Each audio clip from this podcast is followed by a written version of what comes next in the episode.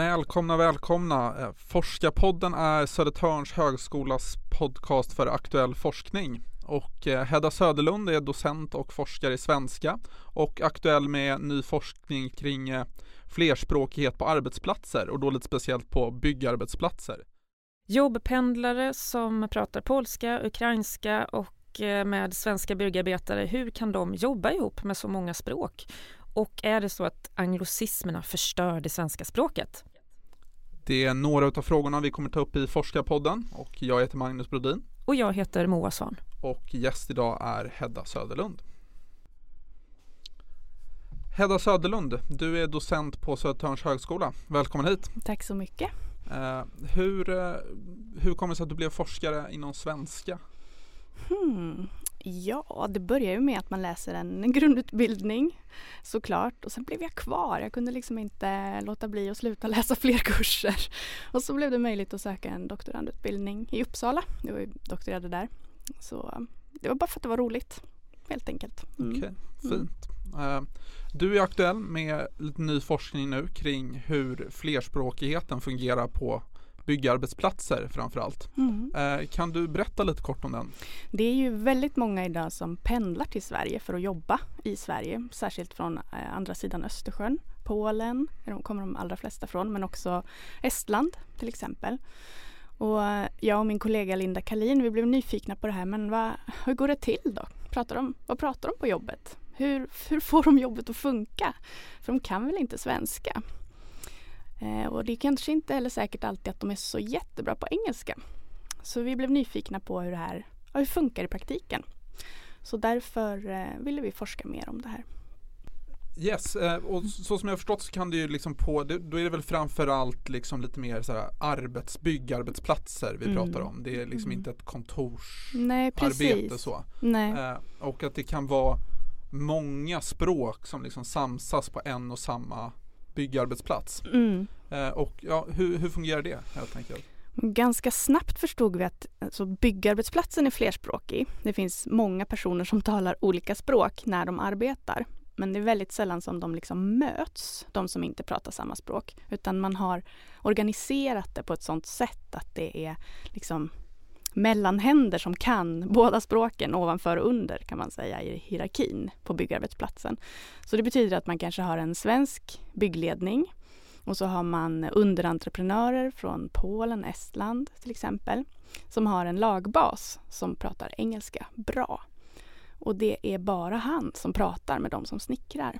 Vad betyder lagbas exakt? Ja, det är en jättebra fråga. Men det är den personen som liksom leder den underleverantör eller underentreprenör som eh, jobbar på bygget. Du hade väl ett, ett ganska bra exempel i din, din artikel där allt utspelade sig i gropen. Mm. Vilket känns väldigt så som en bra film nästan. Mm. Eh, där de också då, i, som jag förstår det, även fysiskt är placerade på olika höjd ifrån ja. varandra. Ja, precis och då är det liksom ett gäng med polska arbetare eller utförare som gör själva det manuella jobbet. Och så är det en, en lagbas eller en ledare för den gruppen som tar emot instruktioner från den svenska mm, ja, person som är ansvarig för arbetet. Och då blir det som kedjor eh, av information och direktiv som går liksom uppifrån och ner och där språken växlar i kedjan Just det, du visar med handen här nu uppifrån mm, och ner men, men, också rent fysiskt va? så att den svenska ledaren står ovanför gropen mm. och de polska arbetarna är nere i gropen och jobbar med någon slags mm. avloppsrör och så ja. går liksom kommunikationen där. Och, och, då pratar han kanske engelska då först med en och sen så översätter han då vidare till polska.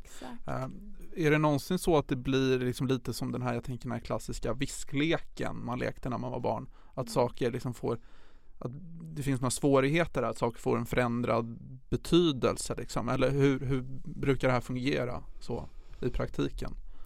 Om vi frågar dem själva så säger de att det aldrig är några kommunikationsproblem på bygget. Ehm, och det kanske, alltså det vet vi inte riktigt men eh, vårt intryck är att det ändå fungerar ganska bra. Att man vet vad man ska göra. Eh, och därför gör det. Alltså alla är ju professionella hantverkare också. Så man vet, man kan jobbet. Man har en liksom professionell blick för vad som behöver göras. Och när man får veta något som ska göras, då vet man också hur. Så därför så vill de själva i alla fall inte lyfta fram att det är problem. Men en sak nämner de och det är om den här äh, mellanpersonen som pratar både engelska och polska. Om han inte är tillräckligt bra på engelska, då kan det bli snack om att det skulle vara eh, dåligt utfört arbete eller så, fast det egentligen är språket som är problemet. Så därför måste den mellanpersonen vara vass på engelska. Så då är det liksom språket som är viktigt för att det ska bli bra byggarbete? istället. Det är inte så att man inte kan utan man, man gör det man har blivit instruerad. Mm, det beror säkert jättemycket på vad det är för slags arbete. Om det är mera repetitivt, någonting, alltså till exempel eh, montera köksstommar eller något. Det är väldigt samma sak hela tiden. Det kanske inte behövs så mycket nya instruktioner. Men om man ska laga ett avloppsrör då kan det ju hända saker. Det kan börja spruta vatten. och då måste man ju kunna prata med varandra. Och det finns ju också en debatt om att det är en säkerhetsfråga. Att inte de som utför arbetet eh, kanske kan ta till sig information om säkerhetsaspekter på bygget på ett korrekt sätt. Och det kan finnas en oro bland andra mm, snickare att inte alla kan säkerhetsföreskrifterna och så. Vad, har ni, liksom, vad säger du i den här debatten? Verkar det som att det är så eller? Vad? Det vet vi inte. Vi skulle vilja utforska det mer. Um, vi kan inte riktigt se det idag. Vi kan se att ledningen är lite oroad för det här och det är också en facklig fråga. Ehm, men vi har inte hört själva de som gör jobbet prata så mycket om det. Men det är ju också ja, det finns ju också olika säkerhetsföreskrifter mellan olika länder och det kan ju också bli så att man måste lära sig nya när man börjar jobba i ett nytt land. Alltså jag kanske är fördomsfull här men jag har väl också lite en känsla av att när det gäller liksom byggbranschen och de fackliga att de fackliga kanske inte alltid är så jättepositiva till eh, arbetskraft som kommer från andra länder. Det stämmer inte med de vi har träffat. De är, alltså, många av byggena går runt för att vi har personer som är beredda att åka hit och jobba. Det saknas liksom arbetskraft i branschen. Men stämmer det att facken är lite fördomsfulla då? Att facken har lite sådär eh, men att man, man liksom letar fel. Man säger så här, ja det är ett problem för att vi vill verka för att alla arbetare ska förstå säkerhetsföreskrifterna. Men indirekt så klagar man kanske också på att så här, ah, det finns eh, polska arbetspendlare här och det, det tycker man är lite störigt. Mm. Förstår du vad jag menar? Vi har inte mött den debatten på byggena men det är möjligt att den finns på andra platser. Ehm, men vi har en, intervjuat en eh, byggchef liksom, som också har jobbat mycket fackligt. Och han pratar snarare om att de är så duktiga hantverkare och det är så bra att de är här. Mm. Mm, så den här fördomen står för dig helt ja, enkelt. Det.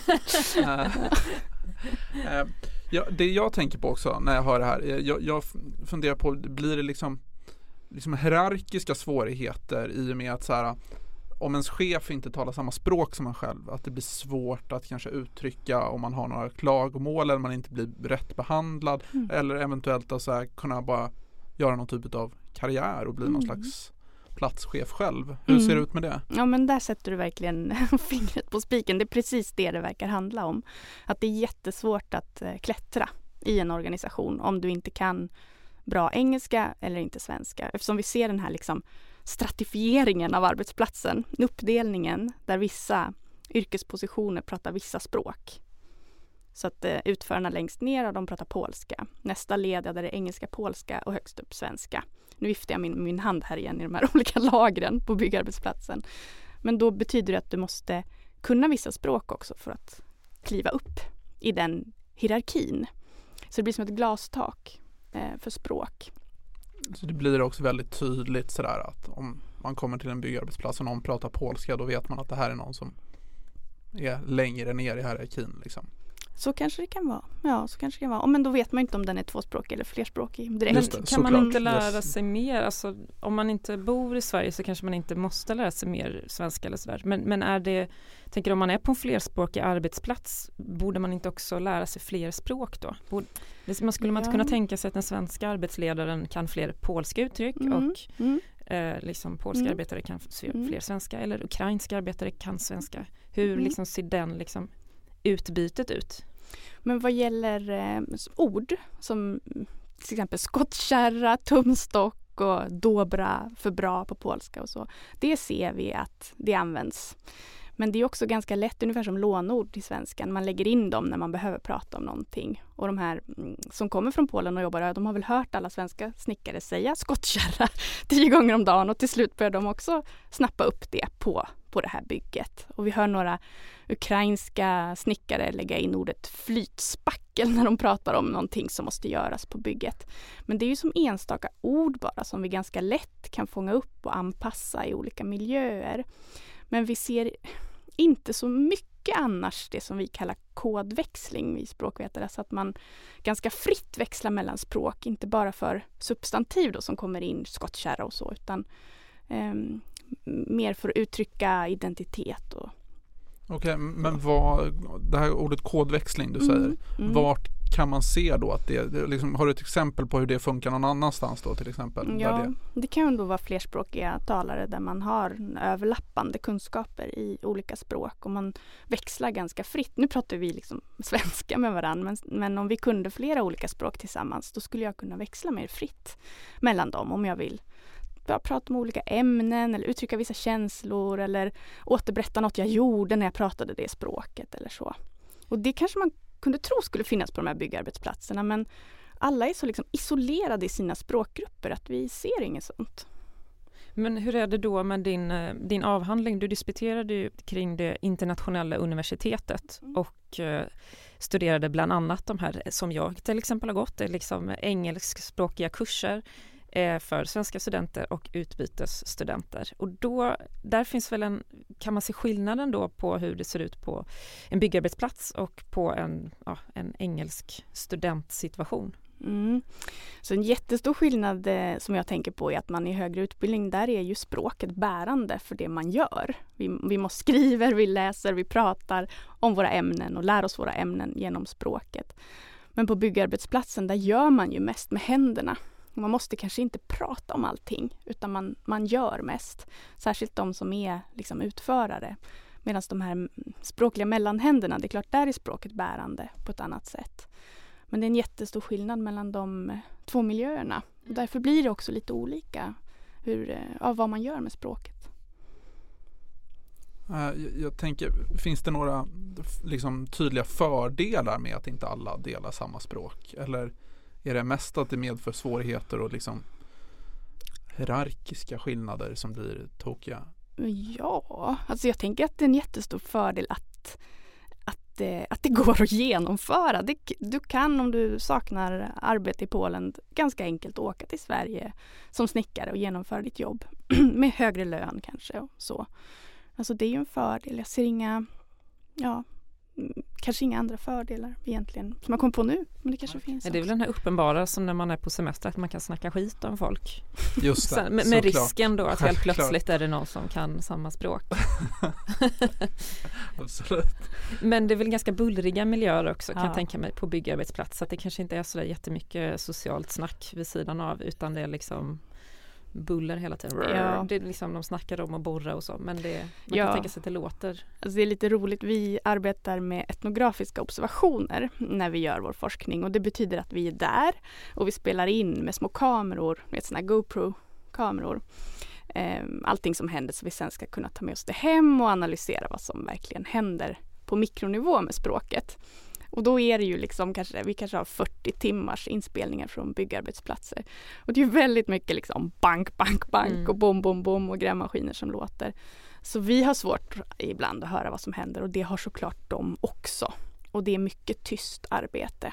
Eh, språket eh, ja, vilar ganska mycket.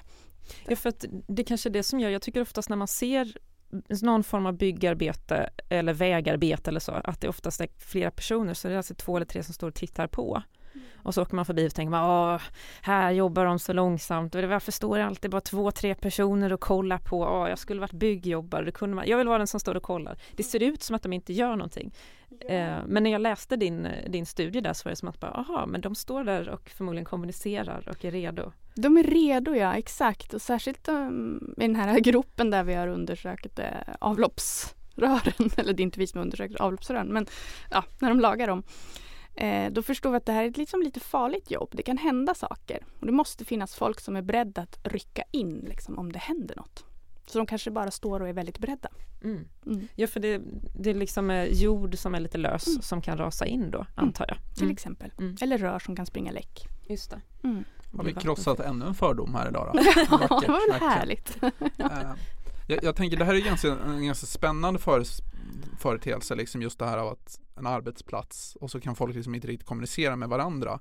Eh, är det här väldigt specifikt för typ byggarbetsplatser så där, eller finns det någonstans inom liksom kontorsarbete eller i övrigt sådär lite, lite mer sådär white collar jobb som ni refererar då till mm. som det finns liknande liksom företeelser så? Alltså det finns ju en del internationella företag som har engelska som koncernspråk.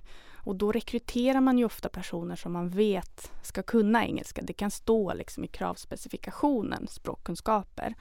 Eh, och då förväntas man också kunna använda dem på sitt arbete. Men det finns en eh, hel del studier som visar att också där så anpassar man efter den man pratar med. Så mm, finns till exempel från Danmark. Eh, vi har ett internationellt företag, engelska koncernspråk. Men jag vet att du pratar danska precis som jag. Och då pratar vi danska med varandra. Om det är möten och så, så är det en annan sak. Det är fler som ska vara där och fler som ska förstå och så man inkluderar fler. Men det var precis det här jag såg också i de eh, kurser i högre utbildning jag studerade min avhandling. Att även om man har en policy som säger att eh, engelska är det språk som gäller här så anpassar man hela tiden. Man känner av, ja men vi har liknande repertoar, vi pratar med varandra på svenska istället. Men blir inte det där lite av ett, ett maktspel eh, med språk? För att då blir det ju några exkluderade och några inkluderade, tänker jag.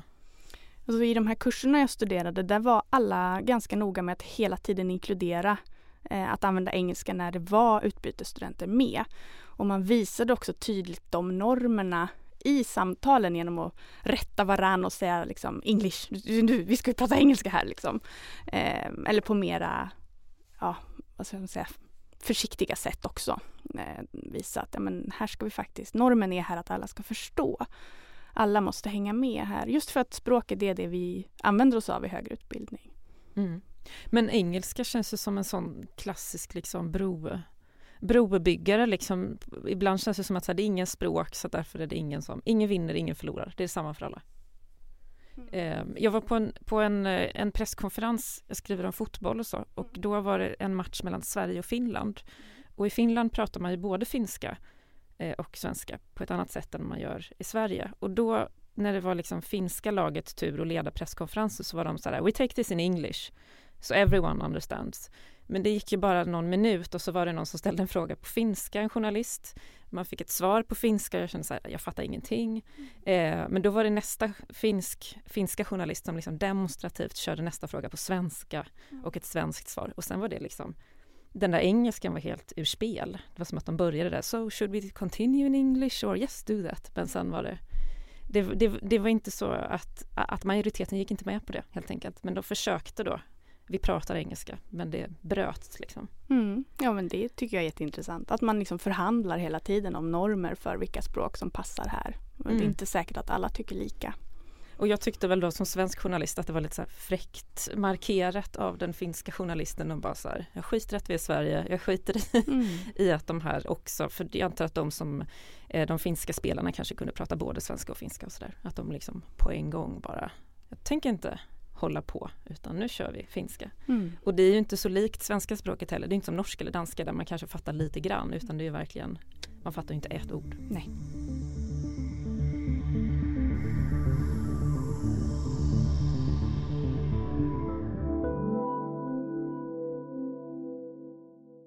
Jag tycker det här är en ganska bra övergång då just till det här med eh, anglosismer i svenska språket och hur det svenska språket utvecklas helt enkelt. Mm. Eh, det är ju väldigt, väldigt vanligt. Jag vet ju bara personligen har jag, jag säger väldigt, väldigt mycket saker som ja, inte är svenska liksom. Mm. Eh, och ja, men så här, hur ser du på den utvecklingen liksom? Så. Jag tror att det är en helt naturlig utveckling. Språk, eh, alltså vi har ju alltid kontakt med andra människor som talar andra språk och vi blir inspirerade av andra människor som talar andra språk. Och vi fångas upp och dras med i olika kultursfärer. Som, eh, ja, vi pratade innan här om datorspel till exempel. Ja, det, man, vill, man gör tillsammans på ett visst sätt och då kommer språket med. Och språket är också något som bygger upp det man gör. Och då börjar man låna ord av varandra och så. Eh, så har det alltid varit. Äh, men det känns ändå nytt va? Nej men det känns inte alls nytt. Tänk vi har ju massa lånord från latin, vi har lånord från franskan, vi har lånord från tyskan och nu har vi jättemycket lånord från engelskan. För det är det kulturområdet som vi har mycket kontakt med och de dominerar många områden. Särskilt inom kultur, då. forskning också. Men tror du att det kommer bli framtiden så att, eh, för det sägs ju att så här, Kina kommer liksom ta över världens stormaktsposition. Kommer det bli så i framtiden att vi har så här lånord från kinesiska som inte är typ bara TikTok? Alltså så skulle det ju kunna vara, absolut. Det beror ju på vilka man eh, har mycket utbyte med. Men nu ligger ju engelskan kanske också lättare till hands. det är ett språk som är närmare besläktat och då är det lättare att lägga in det i svenskan. Men visst, visst, vem vet? Vi får väl se. Ser du några liksom problem med att vi använder så mycket engelska låneord och man liksom försvenskar engelska ord och det? Inte på ordnivå, nej jag ser inga problem. Jag tror att det bara berikar språket. Men det, den debatt som, den är inte så levande idag kanske, men när jag skrev min avhandling var den väldigt levande, nämligen att man skulle gå över helt till engelska i vissa områden. Och då som en konsekvens av det skulle liksom svenskan sluta utvecklas i det området, för vi pratar bara på engelska och till slut skulle vi liksom bli lite fattigare som värld om vi inte längre kan uttrycka olika kulturella sätt eh, genom språket och, ja, och bete oss i olika områden. Och det har ju då framställts som, som ett hot och som ett, eh, ja, men en förlust, en domänförlust kallas det. Men det finns väl ändå vissa så språkfrämjande insatser? Jag tänker om man lyssnar på svensk tv och radio, public service, finns det väl ändå vissa regler och så, att man ska spela en viss mängd svensk musik och, och lite så, eh, lite protektionistiskt, att man ska låta det svenska språket leva. Ja, inte bara svenska språket då utan hela liksom svenska kulturen eller svenska kulturen, det är också en sån här svår sak. Men, men en mångfald är ju alltid bra. och, och, att, eh, att eh, sluta använda språk, det blir ändå en bristande mångfald. Mm. Så ja. Eh, jag tycker det är spännande när man, när man pluggar på engelska på, för på universitetet är mycket akademiska texter är ju på engelska eh, och finns inte på svenska. Så man blir van vid det. Men det som jag upptäckte är att jag vet väldigt sällan hur orden uttalas. Så att när jag ser typ då på engelsk tv eller lyssnar på engelsk podcast att jag helt plötsligt kan höra så här, ja det var så det där ordet uttalades. Som typ, jag läst adjacent många gånger i text och jag liksom, jag var tvungen att slå upp det men också, jag vet inte hur det uttalas. Nej. Och sen hör, hör jag det då ibland och bara, just det, det där ordet ja. Det är liksom, det som typ rena rama grekiskan eller vad man har sagt tidigare. Eh, att just man får en läsförståelse men, men inte en hörförståelse. Och det är lite speciellt tycker jag. Jo visst är det. Det är som eh, namnet eh, Steve och Steve och sådana som kanske ni har hört tidigare. Ja, Steve. Ja. Det mest slående exemplet för mig är väl Hermione i Harry Potter mm. var väl en sån som alla Hermione Exakt mm. sa, i alla fall jag gjorde när jag var liten liksom så länge ja. man läste det helt enkelt. Jag tycker fortfarande Hermione är svårt. Jag, jag vill också att det ska bli Hermione. Okej. Okay. Det har jag svårt att ändra mig. Men min pappa är förmodligen döpt efter Ronald Reagan när han var eh, liksom filmstjärna så. Men då blir det ju Ronald då mm. eftersom att vi är från Göteborg. Just det. Just det. jo men det anpassas ju till det språkliga ljud vi har i språket runt omkring. Det är inte så konstigt. Nej. Nej. Finns det någonting som du liksom som svensk forskare sådär liksom stör dig på inom det svenska språket? Någon utveckling du ser eller du tycker att så här, du känner att du vill vara lite konservativ ändå? Nej, det tror jag inte men det är väl också lite typiskt att det är många språkforskare som liksom lite som Fredrik Lindström, liksom, vad som helst går bra. Det, det är språket, det är levande, det utvecklas, vi måste hänga med på något sätt. Eh, Medan det kanske finns språk, fler språkpoliser utanför just eh, språkforskarområdet. Eh, hänger du med mycket? Försöker du liksom som forskare hålla koll på liksom hur ungdomen uttrycker sig och vilka typer av ord de använder sådär eller? Jag det tycker det är jättesvårt. Det är ju svårt när man inte själv är på rätt plats liksom. Yes. Man inte passar in. Jag tror också om man inte, om man inte är forskare och har en studie så ska man väl liksom inte som vuxen hänga på en fritidsgård. Det tänker jag kan vara lite suspekt. Så ser det verkligen ut. Uh. Nej men det är, väl, det är väl typiskt forskare tycker jag överlag att man väldigt sällan är provocerad. Men mm. där känner jag ju mer som student att jag väldigt ofta är provocerad. Därför att det är väldigt jobbigt att bli utmanad med ny kunskap, nya tankesätt. Att man blir ofta lite sur för väldigt oväntade grejer för att det är lite så, åh, det är lite ansträngande. Mm, men det kanske är härligt att bli lite provocerad eller? Jo men det kan det vara, absolut. Jag känner mig oftast ganska tillfreds om jag har fått liksom uttrycka, jag tycker seminarieformen passar väldigt bra för mig att lära mig att man får diskutera texter. Jag tycker väldigt frustrerande när man blir bara föreläst för och så får man mm. skriva en text och så är det klart. Jag vill alltid, jag vill diskutera eh, helst. Då, mm. då mår jag lite bättre. Så, mm. givetvis, absolut. Men det är ju en, en utmanande process. Men jag tyckte det var spännande när du eh, liksom studerade de här äh, undervisningssituationerna att det var studenterna som läste engelska kurser som var mer noga med att så här, det här måste vara på engelska, vi får inte prata svenska medan lärarna var mer eh, flexibla. Mm. Och det kanske också en vanesak lite. Många av de här lärarna som jag följde i min undersökning de hade ju undervisat väldigt länge på svenska. Och så nu skulle kursen gå på engelska. Ni kanske själva har läst någon sån kurs där liksom en del av materialet fortfarande finns på svenska fast det borde vara på engelska och så vidare för man har inte hunnit med helt enkelt riktigt och ja, men anpassa allting. Man kanske inte har hunnit göra någon språkpolicy heller för just den kursen. Liksom, hur ska vi göra här nu med engelska och svenska? Ska man få ställa frågor på svenska som du var inne på med de här journalisterna? Vad, vad, ska vi ha för regler här? Jag tycker kanske att man borde prata lite mer om det när man undervisar eh, och inte det ska liksom inte vara fult att inte klara av att ställa en fråga på engelska. För det kan ju vara så, man kan låsa sig för stunden fast man kanske är jättebra på språket. Mm. Man hittar inte rätt ord eller så. Men om vi kunde ja, tagga ner lite och prata lite mer om vad, ja, vad ska vi göra tillsammans här nu? Vad är okej? Okay? tror jag det skulle bli lite bättre. Hur ser din forskning ut framöver nu? Du är nybliven docent. Mm. Och eh, ja, hur, hur, vad är planen framåt här? Finns det en sån än? Ja men det gör det för jag och min eh, kollega Lina Nyros som är en, annan forskare i ämnet svenska vi har fått medel från Vetenskapsrådet för att studera polisförhör.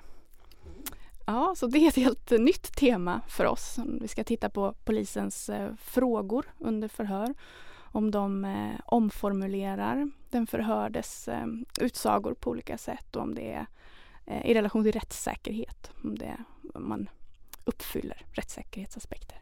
Det låter ändå spännande. Superspännande verkligen. Mm -hmm. Då får du komma tillbaka sen och ja. prata om det helt enkelt. Det blir bra. Uh, tack för att du kom hit. Tack så mycket. Det här var Forskarpodden från Södertörns högskola. I studion var Magnus Brodin, Moa Svan och Hedda Söderlund.